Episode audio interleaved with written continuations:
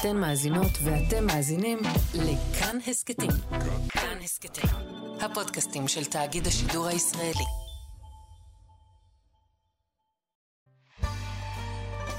חברותה עם ידידיה תנעמי, והערב לימוד משותף עם הרב אייל ורד.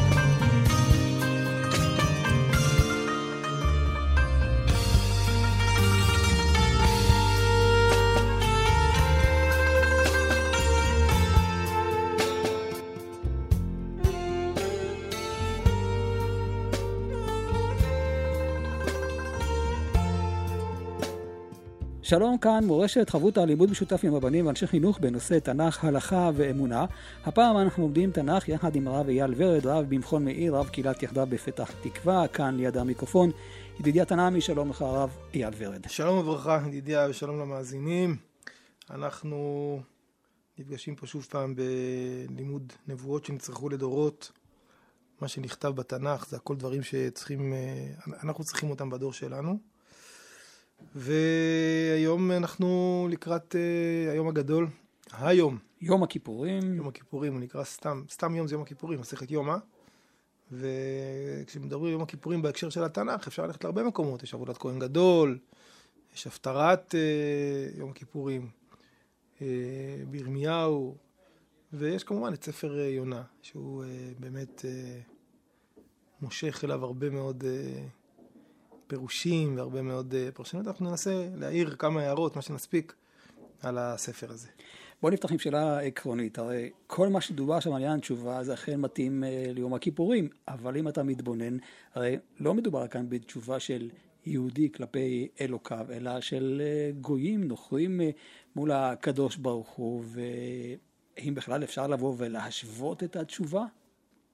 קודם כל, ספר יונה, יש בו כל מיני מעגלים של תשובה. יש בו מעגלי תשובה של גויים, המלאכים, תכף נדבר על זה, אנשי ננבה, אבל יש בו גם את התשובה של יונה בעצמו. וודאי אה, יונה מהווה עבורנו אה, דוגמה ומודל. המשנה ברורה אומר שהסיבה שקוראים את ספר יונה ביום הכיפורים, דווקא במנחה, זה כדי ללמד אותנו שאף אחד לא יכול להימלט מהשליחות שלו. ולקראת uh, היציאה מיום הכיפורים, שהתכפר לנו, אז מי שחושב, אוקיי, אפשר, אה, אפשר להמשיך כרגיל, אפשר להמשיך, אה, אה, אפשר להמשיך עם כל מה, ש, כל מה שעשינו והכל, לא, הכפרה יש לה תכלית, והתכלית של הכפרה זה שאדם ירוץ וימלא את שליחותו, את שליחותו בחיים. בעצם ספר יונה מספק לנו זווית התבוננות גם על מעגלי תשובה וגם על מעגלי שליחות. וזו תשובה אחת. תשובה שנייה, כן, מושג התשובה שייך גם אצל אומות העולם, לא רק אצל עם ישראל. אז אפשר גם ללמוד, אה, גם מהם אפשר ללמוד, גם מהתשובה שלהם, וזה כמובן... נראה בלימוד שלנו. עכשיו, באמת, אתה רואה שבסופו של דבר מי שקובע את מהלך התשובה, כן מתקבל, לא מתקבל, מי ראוי, זה הקדוש ברוך הוא. כלומר, גם אם יונה מנסה להתווכח עם הקדוש ברוך הוא בסופו של דבר, הקדוש ברוך הוא אה, מקבל את התשובה, גם אם היא אולי לא מושלמת. טוב, זה נגיע בסוף. בואו נתחיל מההתחלה. אמ, יש פה אה, דקדוק מאוד מאוד חשוב בפסוק, בפסוק הראשון. ויהי דבר אדוני אל יונה בן אמיתי לאמור, קום לך אל ננבי העיר הגדולה וקרא עליה, כי עלתה רעתם לפניי. יונה בורח מהמשימה הזאת, אנחנו נראה בהמשך. אמ, ראוי לדקדק שבפרק ג' יש שינוי. אחרי שיונה מקבל את השליחות מחדש, כתוב ויהי דבר אדוני אל יונה, שנית לאמור, קום לך אל ננבי העיר הגדולה וקרא אליה. יש הבדל בין קרא עליה לקרא אליה. קרא עליה זה כאילו תודיע להם ש, שזה המצב ואין שינוי. כמעט אפשר להגיד תעשה קריאה עליה. וקרא אליה זה, וקרא אליה זה, זה תציע להם את האפשרות לשוב בתשובה. אז יש כאלה שמפרשים שזו הסיבה שיונה, שיונה ברח, כי הוא לא, הוא לא רצה, אומר, מה, איפה תשובה? ואז יש פה, יש פה חידוש מאוד מאוד מעניין, שבעצם התשובה כאן צומחת מלמטה, מה, מהנביא. מה זה קרא עליה? זה קצת כמו מזכיר את אה, אברהם אבינו, שמתווכח עם הקדוש ברוך הוא. כל פנים, ננבי העיר הגדולה. ננבי העיר הגדולה, והקדוש ברוך הוא שולח את יונה לקרוא, לקרוא אליה. מה זכתה ננבה? שנביא נשלח אליה אה, מאת השם יתברך. מה, יש לה איזה זכות אה, קדמונים? יש הרבה ערים גדולות, אז אה, נינווה, אני מזכיר לכולם, למאזינים, היא בעצם עיר שמופיעה כבר בספר בראשית, בסוף, בסוף אה, פרשת אה, נוח. מי בנה אותה? מתואר, אשור, מתואר אה, העניין של אה, מגדל בבל, נכון?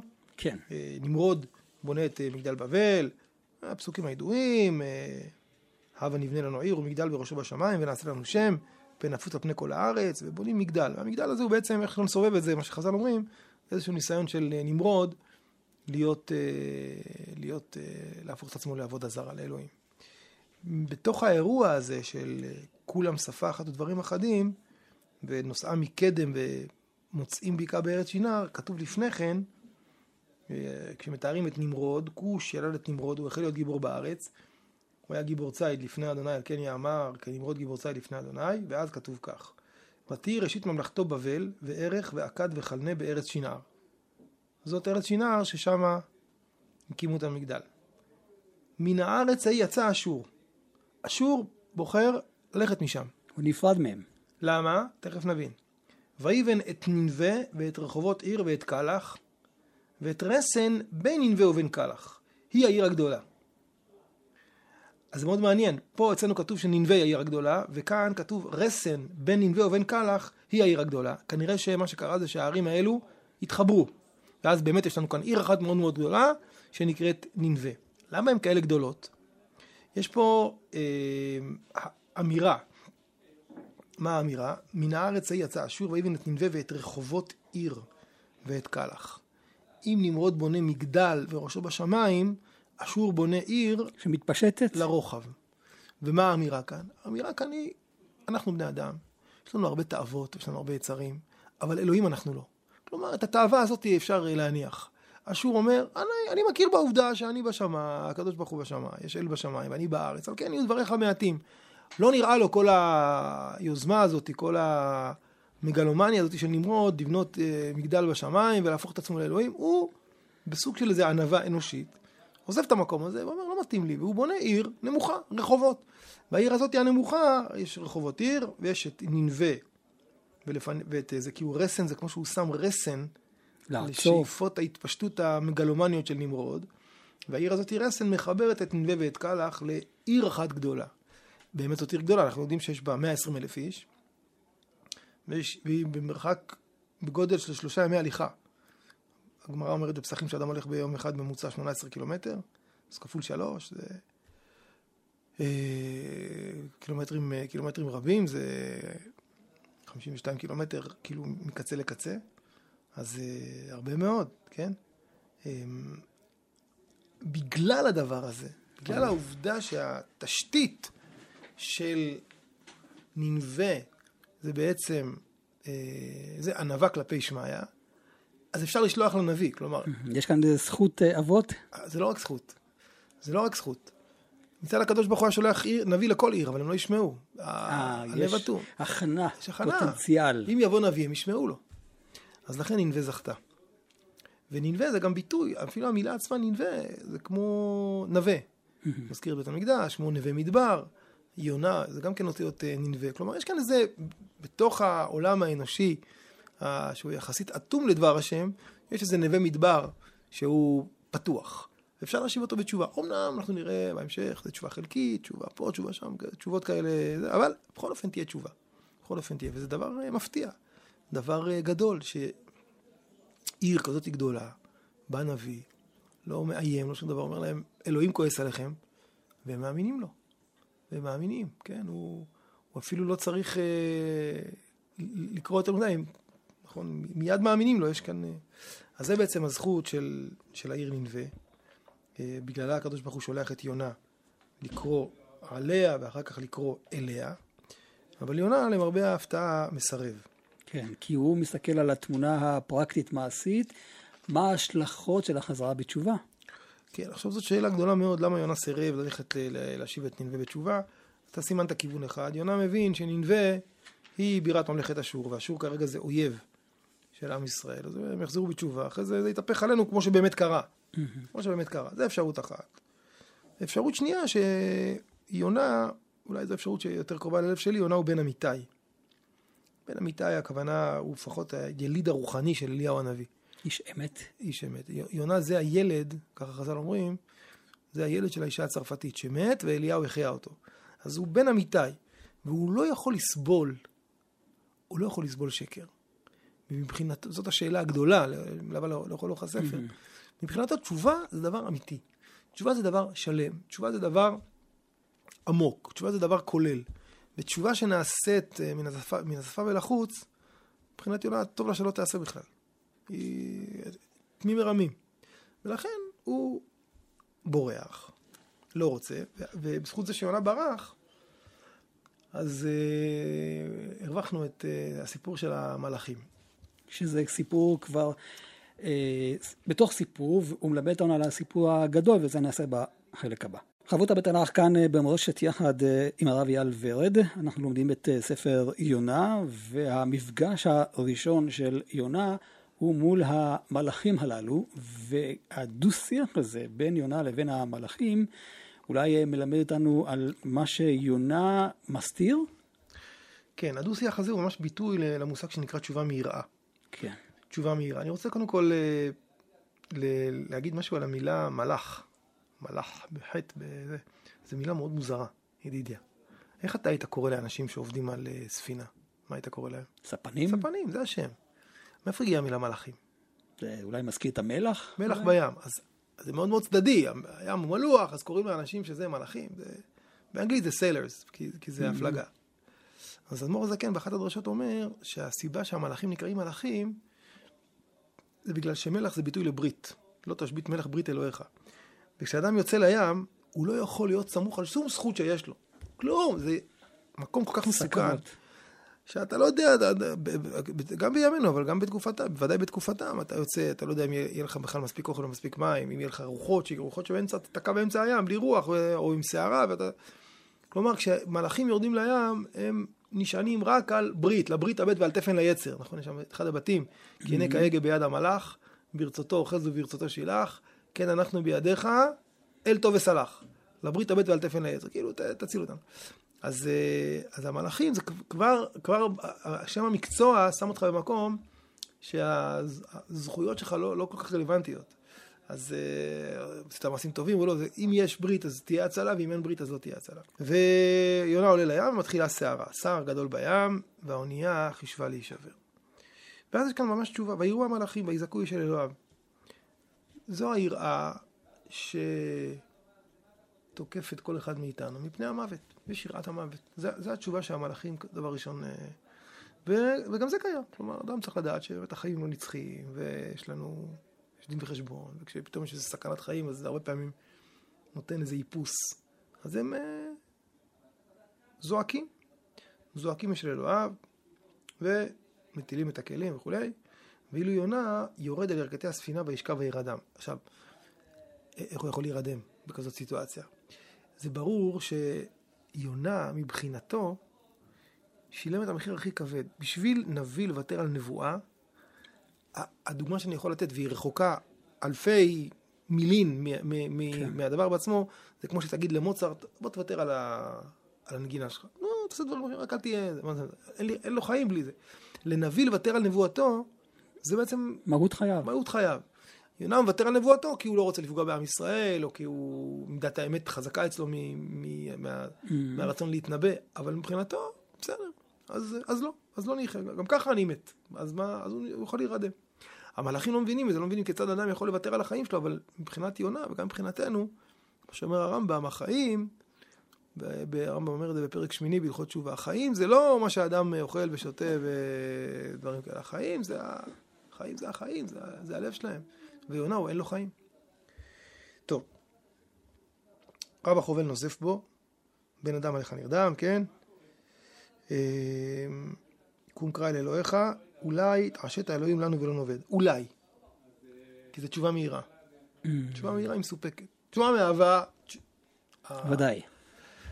תשובה מהירה, אתה יודע, זה כמו אדם שגנב מהמלך, הוא מבקש, הוא מפחד, וזה, אז המלך או שיסלח לו או שלא יסלח לו. אבל אם אדם באמת שב בתשובה ואומר, אדוני המלך, מה אתה מדבר? מה שגנבתי ממך, אני עשיתי פה כל מיני פעולות של מסירות נפש עבורך. אז המחילה היא, היא מובטחת. אמ, יונה לא עונה לקריאה הזאתי, ואז המלאכים מפילים גורלות. עכשיו, זה דבר מאוד מעניין. זו תנועה מאוד מעניינת של האדם, כן? אה, מה זה להפיל גורל? זה אומר שקורה פה משהו, אבל הסיבה היא אקראית. עולם לא מושגח. מישהו, יש לו עין הרע. מישהו, יש לו איזה... מישהו יש לו איזה... הביא איזה מזל לא טוב. בוא נפיל גורלות. זה לא כמו הגורל ביום הכיפורים, של השעיר לעזאזל והקורבן? אתה יודע, הגורל ביום הכיפורים, הוא הולך... אומנם יש גורל, אבל מיד אחרי זה יש וידוי. אנא השם, חטאו ועברו... אז הגורל, יש פה צד מסוים. יש, אנחנו מבינים שהקדוש ברוך הוא מנהל את העולם, וזה גם לפעמים עובר גם דרך גורל, אבל הוא לא מגיע במקום הווידוי, פה אין בכלל וידוי. הם זורקים כלים, הם זה, טוב, בוא נעשה ישר גורל. הם רצים ישר לגורל. טוב, ויפילו, יפילו גורלות, ויפול הגורל על יונה. עכשיו תראה את השאלות שהם שואלים אותו. הם שואלים, שואלים אותו פה רצף שאלות, אבל משהו אחד חסר. ואמרו אליו, אגיד אנא לנו באשר למי הרעה הזאת לנו, מה מלאכתך ומאין תבוא, מה ארצך ואי מזה עמדת. מה מלאכתך, מאין תבוא, מה ארצך, איזה, אי מזה עמדת. הם רק לא שואלים את השאלה אחת. מה הסיפור שלך? מה עשית? אולי הוא רוצח, כן. אולי הוא גנב, אולי... לא, לא משנה מה עשית. קורות חיים. העיקר, מאיפה באת, כאילו מה... כי זה גורל, הכל גורל כזה. ואז הוא מסביר להם, הוא אומר להם, עברי אנוכי, כלומר, אני בכלל נמצא מעבר אחר של המציאות. מה העבר האחר? אצלנו, אומר יונה, יש השגחה, יש משמעות למעשים שאתה עושה. אתה משלם עליהם מחיר. ולכן הוא אומר להם, עברי אנוכי ואת אדוני אלוהי השמיים, אני ירא אשר עשה את הים ואת היבשה. יש השגחה בעולם. ואני, לפי המעשים שלי, כך וכך מגיע לי. הוא לא מכחיש. מכאן יש עוד התקדמות. מקודם היה ויראו המלאכים. היה יראת המוות. עכשיו זה ויראו האנשים יראה גדולה. ויראו האנשים יראה גדולה ואמרו אליו, מה זאת עשית? כי ידוע האנשים, כי מלפני אדוני הוא בורח כי יגיד להם. כן, מה... אז זה כבר יראה גדולה. יראה קטנה זה יראה מהמוות, יראה גדולה זה יראה מהשם יתברך. מהמשפט, מהדין, הם פתאום מבינים. תחשוב שנופל על האדם תובנה שהוא מבין שיש השגחה. הוא רואה את זה מול העיניים, הוא, הוא מבין את זה. הוא רואה בעיניים, יש השגחה. אז פתאום זה, אז, אז אני זוכר שהרב אורי זוהר אמר את זה, שהוא, שכאילו, הוא אמר, ברגע שהוכיחו לי שיש אלוהים, אז פתאום הבנתי שכל מה שאני עושה, הכל כאילו הוא נרשם. הוא ירגיש את זה. אז כאילו, אז, אז אני חייב לעשות, זה הפיל עליו ממש יראה, יראה גדולה. Mm-hmm. אז... אה, כי ידעו אנשים כי מלפני אדוני בורח כי יגיד להם, טוב, עכשיו תראה מה קורה, ידידיה. בדרך כלל, בוא נראה מה, עוש, מה עושה הידיעה הזאתי שיש בורא לעולם, מה היא עושה? אז בדרך כלל מלאכים, מבין כל הטיפוסים, זה טיפוסים אה, מאוד מאוד קשוחים, מאוד אה, מחוספסים. המוות הוא אפשרות... אה, סבירה. סבירה מאוד בחיים שלהם. אתה יוצא להפלגה, אתה לא יודע אם תחזור או לא תחזור. נדמה לי שעל אה, אה, מגלי הארצות אה, קפטן קוק, מספרים מדוע הוא הצליח לגלות כל כך הרבה ארצות, מפני שכל המלאכים שיצאו למסעות היו מתים מהמחלה שנקראה צפדת. Mm-hmm. מדוע? כי הם היו, היו מעלים איתם לספינה כל מיני אה, בשר משומר ודברים מהסוג הזה, ופשוט היה להם מחסור בוויטמין C. הם מתו מזה. לא ידעו אז מה זה ויטמינים. הוא הייתה לו איזו אינטואיציה, אז הוא תמיד הורה לעלות לספינה פירות וירקות טריים, וכל הצירה הם היו מצטדים מפירות וירקות טריים, והוא הצליח להחזיר את כולם בשלום. אז... uh, על כל פנים, המוות הוא uh, בן בית אצלם. פתאום, הם אומרים, ויאמרו אליו, מה נעשה לך? וישתוק היה מעלינו, כי הים הולך וסוער. כאילו, ת, תגיד לנו מה לעשות. ויאמר להם, שרוני והטילוני אל הים, וישתוק היה מעליכם, כי יודע אני כי בשלי הסער הגדול הזה עליכם. זה וידוי. שאדם יודע, כמו שאומר הרב קוק, יסוד הווידוי, זה הכרת האחריות של האדם על מעשיו. שאדם יודע שאין דבר בעולם שיש להאשים אחרים חוץ מהוא בעצמו. זה הווידוי. זאת אומרת, אני, אני הבעיה. נו, אז המלאכים האלה צריכים לתפוס את יונה ומיד לזרוק אותו לים. הנה, יש לכם את הפתרון ביד. ואמרנו, מלאכים זה לא אנשים uh, יותר מדי רגישים. תראה מה קורה כאן.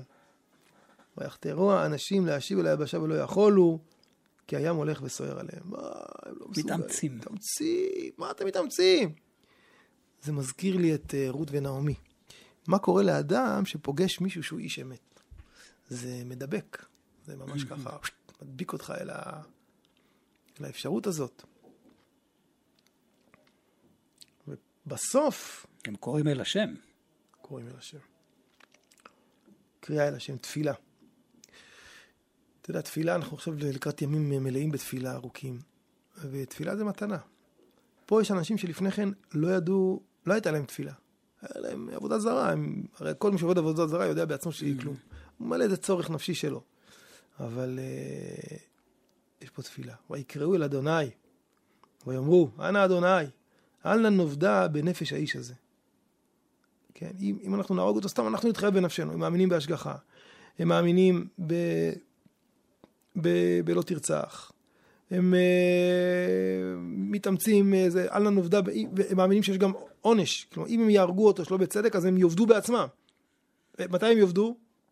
נדמה לי שהרמב"ן מביא את הדבר הזה כאחת מההוכחות למציאותה של. מציאות כרת, שברור להם שאם הם יהרגו אותו לא כמו שצריך, אז יהיה להם אה, עונש כרת.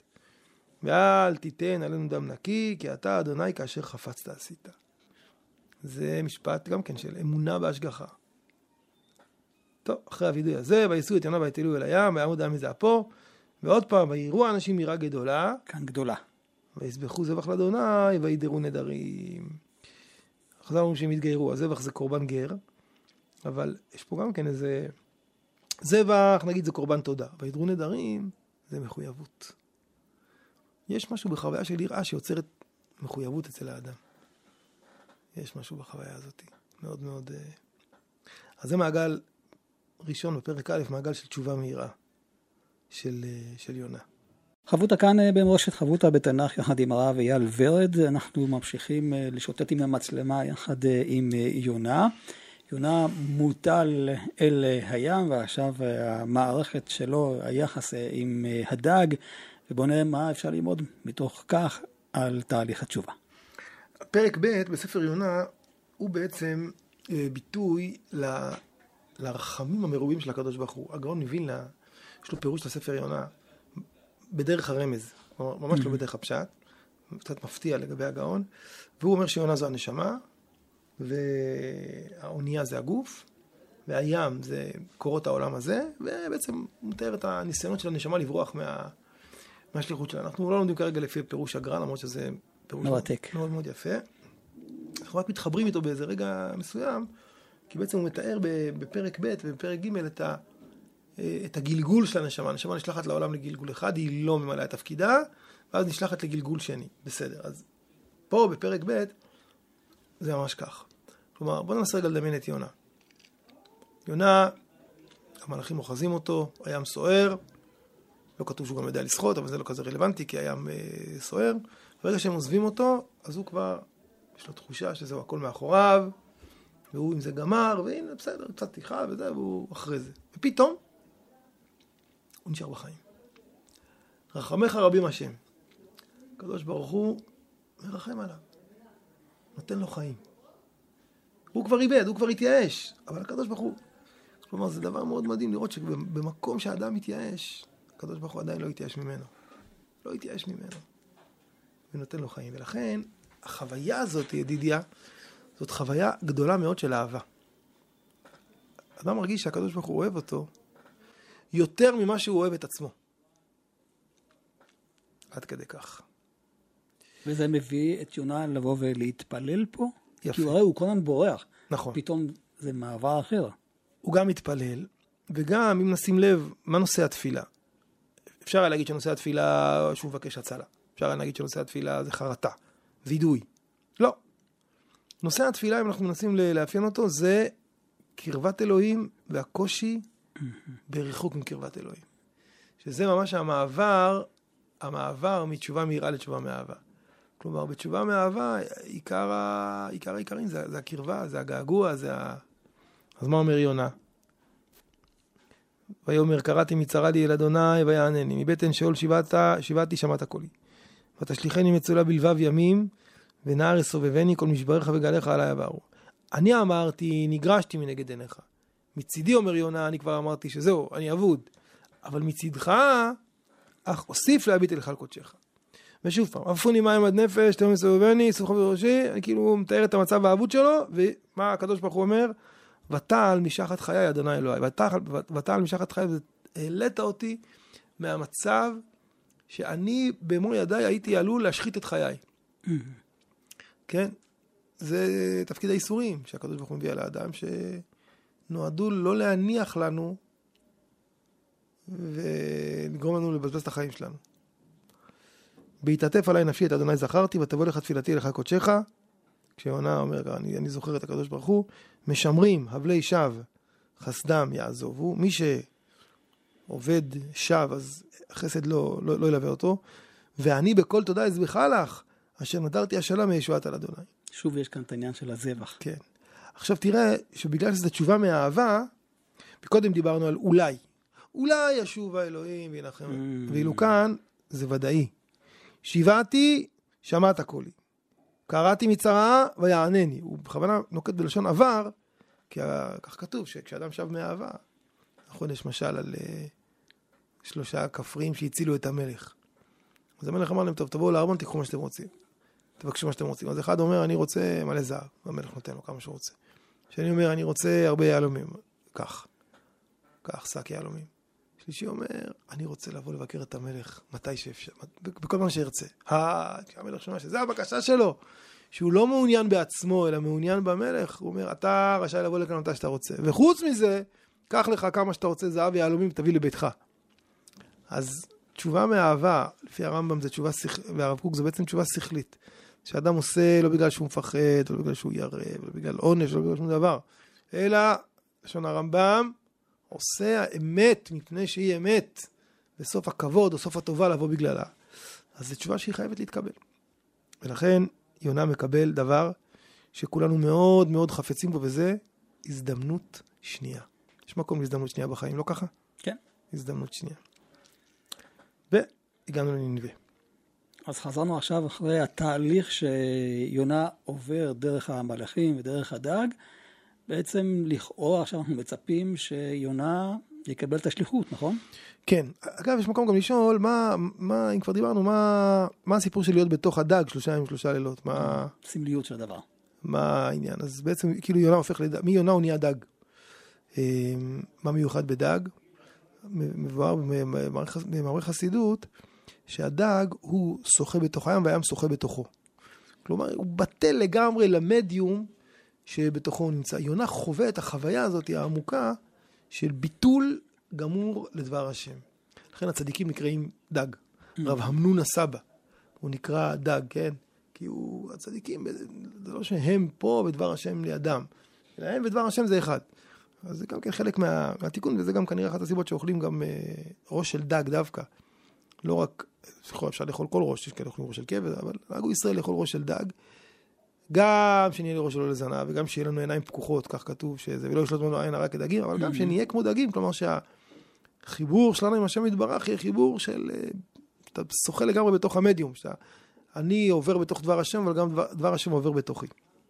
טוב, יונה מגיע אל ננבה, הפעם הוא קורא אליה ולא עליה, את הקריאה אשר אנוכי דובר אליך, לא כתוב מה הקריאה, בהמשך כתוב.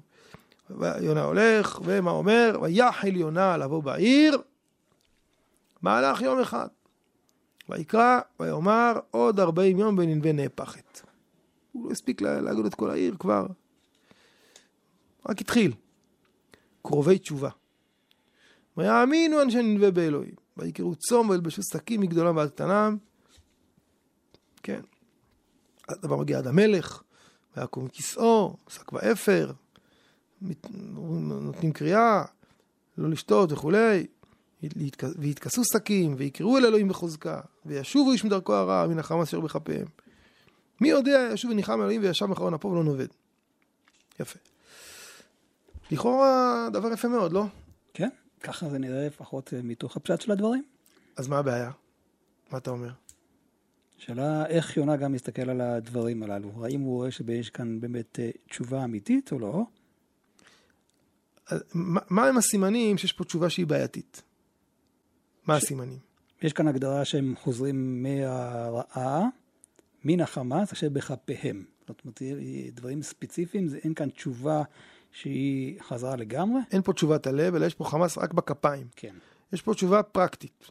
כפיים, אבל בלב הוא עדיין רוצה לגנוב. עכשיו, לא נעים לו כי שמו מצלמה, אבל הוא רוצה לגנוב. זו הערה אחת, יפה. מה עוד? המלך, כן. נכון? בוא נראה. גם בני מטעם המלך וגדוליו לאמור, ויש פה רצף הוראות. כלומר, יש כאן יראה שוב. ו- כן, גם יראה וגם ויתכסו, והבהמה, ויקראו אלוהים בחוזקה, וישובו. כלומר, המלך, הוא אומר להם מה לעשות, אבל הוא לא עושה, הוא לא עושה בעצמו. הוא רק, המלך עושה רק דברים אה, חיצוניים. קם מכיסו, מעביר הדרתו, מתכסה שק ויושב על האפר. נו, תחזור בתשובה גם אתה, אדוני המלך, גם אתה בטח גזלת. לא, הוא לא, אבל הוא אומר לאחרים מה לעשות. וישובו איש מדרכו הרע. כלומר, יש פה איזה זיוף, איזה... חוץ מזה, גם כתוב כאן, ויקראו את אלוהים בחוזקה. בחז"ל מפרשים פה את המילה בחוזקה לא רק בקול חזק, אלא באיזה מין כיפוף ידיים. ומין איזו אמירה כזאת, לכאורה, אם האדם חטא, הבהמה חטא, הבקר והצאן, מה, מה הם קשורים? לא, אם אתה תפגע בנו, אנחנו נפגע בהם. בני ערובה אנחנו לוקחים. אז אה, זה גם. בקיצור, יש פה, מתואר פה תהליך קיצוני, צום, שק, אפר, וכדרכו של כל תהליך קיצוני, הוא לא יכול להחזיק מעמד. זה ברור שזה מבצע, מבצע תשובה. מה יקרה אחרי המבצע? חזרה לשגרה. חזרה לשגרה. ולכן כתוב כאן בחוזקה. וכמו שציינת יפה, מן החמאס אשר בכפיהם, ושוב פעם, הס- ה- ה- הס- המצב המסופק הזה, מי יודע, אולי ישוב האלוהים וניחם האלוהים ושם יחרון אפו ולא נאבד.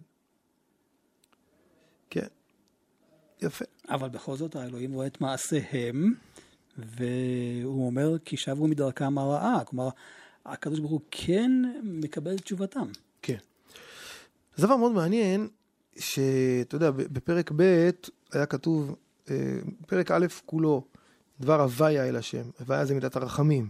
עברי לשם אנוכי. הוויה. עכשיו, פרק ב', וימן הוויה דג גדול. י' כו' כי זה רחמים גדולים שהקדוש ברוך הוא נותן ליונה. זה. נכון, אחרי זה ויהי דבר השם, י' כו' כעליונה. מצד הרחמים, כן, הוויה. אחר כך יונה, כדבר השם, אחר כך אומר יונה, עוד הרבה מבין הפחד. אבל אנשי נינווה לא מאמינים בהוויה, הם מאמינים באלוהים. הם לא מאמינים בקדוש ברוך הוא המהווה כל, שחפץ הטוב להיטיב, הם כן מאמינים בזה שיש שם איזה גורם בעל כוח שעלול לפגוע בהם. משהו חיצוני. משהו חיצוני. כלומר, שם הוויה מתחלף פה לשם אלוהים, וזה לא סתם. ו... ולכן כתוב, וירא האלוהים את מעשיהם כי שבו מדרכם הרע, וינחם האלוהים על הרע שדיר לעשות להם ולא עשה. כלומר, באמת, ברובד הדין, אז מצד מידת אלוהים, מצד יראת ההון, מצד הפחד, זה, הם קיבלו ציון עובר. אבל הם לא שבו כאן תשובה מאהבה שהיא תשובת לשם הוויה. זו רק תשובה בשם אלוהים. תשובה חלקית מאוד. ויונה בן אמיתי לא מצליח להבין את הדבר הזה. כיצד ייתכן שתשובה כל כך חיצונית, כל כך חלקית, כל כך מיראת העונש, הרי ברור שברגע שתסיר מהם את האקדח הם יחזרו למה שהם היו. שום דבר לא קרה כאן בלב, הכל קרה רק בפרקטיקה, בכפיים אשר בחמאס אשר בכפיהם, שום דבר לא קרה בלב. מה זה הדבר הזה? זה עוול, יונה זועק על העוול הזה. איך הקדוש ברוך הוא נותן במרכאות שיעבדו עליו. מה זה, אתה לא רואה שעובדים עליך, אתה לא רואה שהם עושים עליך סיבוב, אתה לא רואה שהם... אה, שום דבר אמיתי לא היה שם, המלך עשה הצגה. שם אה, אה, כמה הכיסא, עשה אדרת, וזה, הצגה. כל הזה, הכל הצגות. ולכן, וירא אל יונה, ויחר לו. ויתפלל אל מי? אל אדוני. ויאמר, אנא אדוני, הלא זה דברי ידעתי על אדמתי, על כן קידמתי לברוח תרשישה, כי ידעתי, כי אתה אל חנון ורחום, ערך אפיים ורב חסד, וניחם על הרעה. מידת הוויה. כן, אבל מה חסר פה? איזה מידה, בי"ג מידות חסרה? אל רחום וחנון ערך אפיים ורב חסד, אמת. ואמת, אין פה אמת. הוא אומר, איפה האמת? אתה רחמן, אתה חנון, אתה אלף ואחד דברים, איפה האמת? אתה נותן שישקרו עליך בעיניים. תתה. זה התלונה של יונה. וזה כל כך חורה לו, כי הוא בן אמיתי, שהוא אומר, ואתה, אדוני, קח נא את נפשי ממני, כי טוב, אותי." אני לא רוצה לחיות בכזה עולם. עולם שבו השקר מנצח, ועולם שבו אתה הקדוש ברוך הוא, שאתה, אנחנו אומרים את זה, שדרשות נפלאות של הפחד יצחק, הוטנר, על מידת האמת בראש השנה, אנחנו חותמים, כי אתה אלוהים אמת, ודברך מלכנו אמת וקיים לעד. ברוך אתה השם, מלך על כל הארץ וכו'. זה בראש השנה. ביום הכיפורים, כי אתה אלוהים אמת, נכון? ואתה סולחן לכל ישראל ומוכנה לשבטי ישורון, ובעדיך אין לנו ברוך אתה. המילה אמת מוזכרת גם בראש השנה וגם ביום הכיפורים, מידתו של השם יתברך, חותמו אמת. יש לקדוש ברוך הוא הרבה תכונות, אבל כשהוא בא לחתום, הוא חותם במידת האמת. אז אומר יונה, איך יכול להיות שהדבר הזה עובר אותך? כאילו, איפה האמת? נעלמת כאן האמת? מה תהיה התשובה לדבר הזה? הקיקיון, הקיקיון. שבעצם הוא בא מלמד אותנו עוד מידה בהנהגת השם. כן. אז זה קצת כמו שיש... אה, יש אמת ויש אה, אמת לאמיתה. כן, יש את האמת. אמת. אחד ועוד אחד שווה שתיים זה אמת, אבל יש אמת, אמת לאמיתה. אמת אה, גדולה יותר, אמת רחבה יותר. בואו ננסה רגע להבין מה היה בקיקיון. פה יש, אני חושב שזה דקדוק מוכרח. כתוב כך, ויצא יונה מן העיר וישב מקדם לעיר ויעש לו שם סוכה וישב תחתיה בצל עד אשר יראה מה יהיה בעיר. יונה לא צריך לבנות בית, הוא מספיק לו סוכה, כי ברור לו שהוא לא יצטרך לחכות הרבה זמן עד שהוא יוכל לראות וגם בעיקר להראות לקדוש ברוך הוא, תראה, תראה מה קורה ב- בעיר שלך, תראה, הנה, מהר מאוד הם חוזרים לסורם. אבל כתוב, ידידיה, שהוא עושה סוכה. הסוכה יש לו צל. יש לו צל. סוכה, היא עושה צל. כתוב יש תחתיה בצל. ואז הקדוש ברוך הוא מזמן קיקיון שעולה מעל יונה, להיות צל על ראשו. בשביל מה צריך? כבר היה צל. אז נגיד היה לו לפני כן 80% צל, ועכשיו יש לו 100% צל. הקיקיון היה עוד קצת צל. ויונה, וישמח יונה על הקיקיון שמחה גדולה. הוא שמח. למרות שעוד פעם, הקיקיון הוא באמת פעולה מאוד מאוד קטנה ובעלת משמעות. יש הבדל בין 80% ל-20%, אה, בין 80% צל ל-100% צל, יש הבדל. אבל בכל אופן, סוכה עשתה כבר את רוב הצל לפני כן. יונה שמח. אחר כך, הקדוש ברוך הוא מביא, וימן האלוהים, עוד פעם, וימן אדוני אלוהים קיקיון, זה מידת הרחמים, הוויה. עכשיו, כשהורסים את הקיקיון, זה אלוהים, זה הדין. מתח את הקיקיון ויבש, כן, מגיע, הקיקיון הזה, אתה לא, לא טרחת, לא זה, אז אני יכול לקחת לך אותו. ויונה מאוד מאוד חורה אפו, והוא מתעלף, גם יש פה שמש, וכן על זה הדרך. ויאמר אלוהים אל יונה, היטב חרה לך על הקיקיון, ויאמר היטב חרה לי עד מוות. היה לך חבל.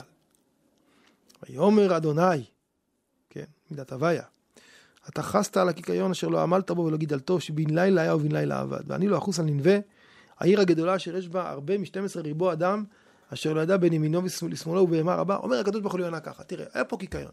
הוא היה ממש מינורי, אבל היה לך אכפת ממנו. שמת אליו לב, הוא היה לך משמעותי. לא עבדת בו, לא טרחת, לא השקית אותו, לא שתלת, הוא היה לך, נתן לך איזה תפוקה מסוימת, וכבר הוא היה יקר בעיניך. האם תשובתם החסרה, הפגומה, החלקית של אנשי ננבה, היא פחות מקיקיון? האם דקה אחת של תשובה, ידידיה, כפול 120 אלף איש, כמה זה 120 אלף דקות ב... ב... ב... ב... בימי חיים של אדם, כן? דקת תשובה של 120 אלף איש, זה 120 אלף דקות, זה 83 ימים. ואם הם חזרו בתשובה חמישה ימים. ואם הם חזרו בתשובה יום, נגיד יום חזרו בתשובה, אז זה 120 אלף ימים. 120 אלף ימים זה בשנים קרוב ל-300 שנה. כן, אה, 30 36 אלף זה 100 שנה, זה, כן, יותר. 300 ומשהו שנים של תשובה. זה כלום בעיניך, אומר הקדוש ברוך הוא ליונה. זה לא שווה שום, זה אפס, זה כלום, זה ממש אפס המוחלט. יש לזה ערך, לקיקיון הזה. יש לזה ערך לפעולה. אני רואה את זה, אומר הקדוש ברוך הוא. אני מושקע בבני האדם. בני האדם זה ההשקעה שלי. אז אני רואה כל תנועה. בחב"ד יש ניגון שנקרא תנועה. מה זה תנועה? תנועה זה חלק מניגון. ומנגנים את זה, יש תנועה, תנועה של אדמו"ר הזקן, יש תנועה של אדמו"ר האמצעי. לכאורה, מה אתה מנגן תנועה? תנגן ניגון שלם. יש ערך גם לתנועה. חלק. רק לחלק. גם לתנועה שהיא זה, היא, היא, היא עושה משהו. היא עושה משהו. זה הלימוד הגדול. זה, אנחנו קוראים את זה במנחת אה, יום הכיפורים כדי להגיד. לקראת הסוף. לקראת הסוף. גם אם התשובה שלנו היא לא שלמה והיא חלקית, ואנחנו יודעים שבשנה הבאה יהיה לנו כנראה אי אלו תקלות, אבל הקדוש ברוך הוא רואה כל מעשה וגם כל תנועה, והוא מייקר אותה. למה? יש פה המון המון אמפתיה, כי הוא מושקע בנו. זה לא צדדים חיצוניים. הקדוש ברוך הוא ברא אדם ורוצה שיצליח. והוא רוצה שיצליח, אז הוא אומר, כל עוד אני יכול להוציא איזה משהו מהדבר הזה, כל עוד זה עוד חי, זה עוד לא מת, אני לא מוותר על זה. כל עוד האיבר קשור, אני לא קוטע אותו. כי איבר קטוע פוגם את כל הגוף. אתה, ואני לא אחוס, לחוס זה להגיד, יש בדבר הזה עוד ערך, כך אומר המלבים, לחוס זה, הדבר הזה, הוא, יש לו, יש לו עדיין ערך. יחס. הוא, הוא עדיין לא מת לגמרי. זה... ואני לא אחוס על ננבי העיר הגדולה, אשר יש בה הרבה מ-12, יותר מ-12 ריבו אדם, אשר לא ידע בין ימינו לשמאלו ובהמה רבה, לא ידע בין לשמאלו, חלק מהם טעו, לא עובדי עבודה זרה, הם בטעות, וגם הבהמה, גם... הקדוש ברוך הוא, אנחנו אומרים, זוכרנו לחיים וכולי, מלך חפץ בחיים. חפץ בחיים. הקדוש ברוך הוא חפץ בחיים. וגם אנחנו צריכים לחפוץ בחיים האלה ולחיות את החיים מלאים ושלמים וראויים לערכם, ובאמת אה, נברך את המאזינים בשנה טובה ומחילה וסליחה וכפרה לכל ישראל, משורש כלל ישראל, שנזכה בעזרת השם לבשורות טובות, שנים טובות, אמן ואמן. אולי הדבר היפה ביותר שיונה כבר כאן לא עונה לקדוש ברוך הוא. כן. אבל זה נשאר בשאלה ככה מהדהדת בעולם. נכון. הרב אייל ורד, רב במכון מאיר, רב קהילת יחדה בפתח תקווה, תודה רבה לך. וכאן ידידיה תנעמי ולתוכנית הזאת, ושאר התוכניות של החברותה, אפשר להאזין גם באתר, גם באפ וגם ביישומי ההסכתים. אתן מאזינות ואתם מאזינים לכאן הסכתים. כאן הסכתים, הפודקאסטים של תאגיד השידור הישראלי.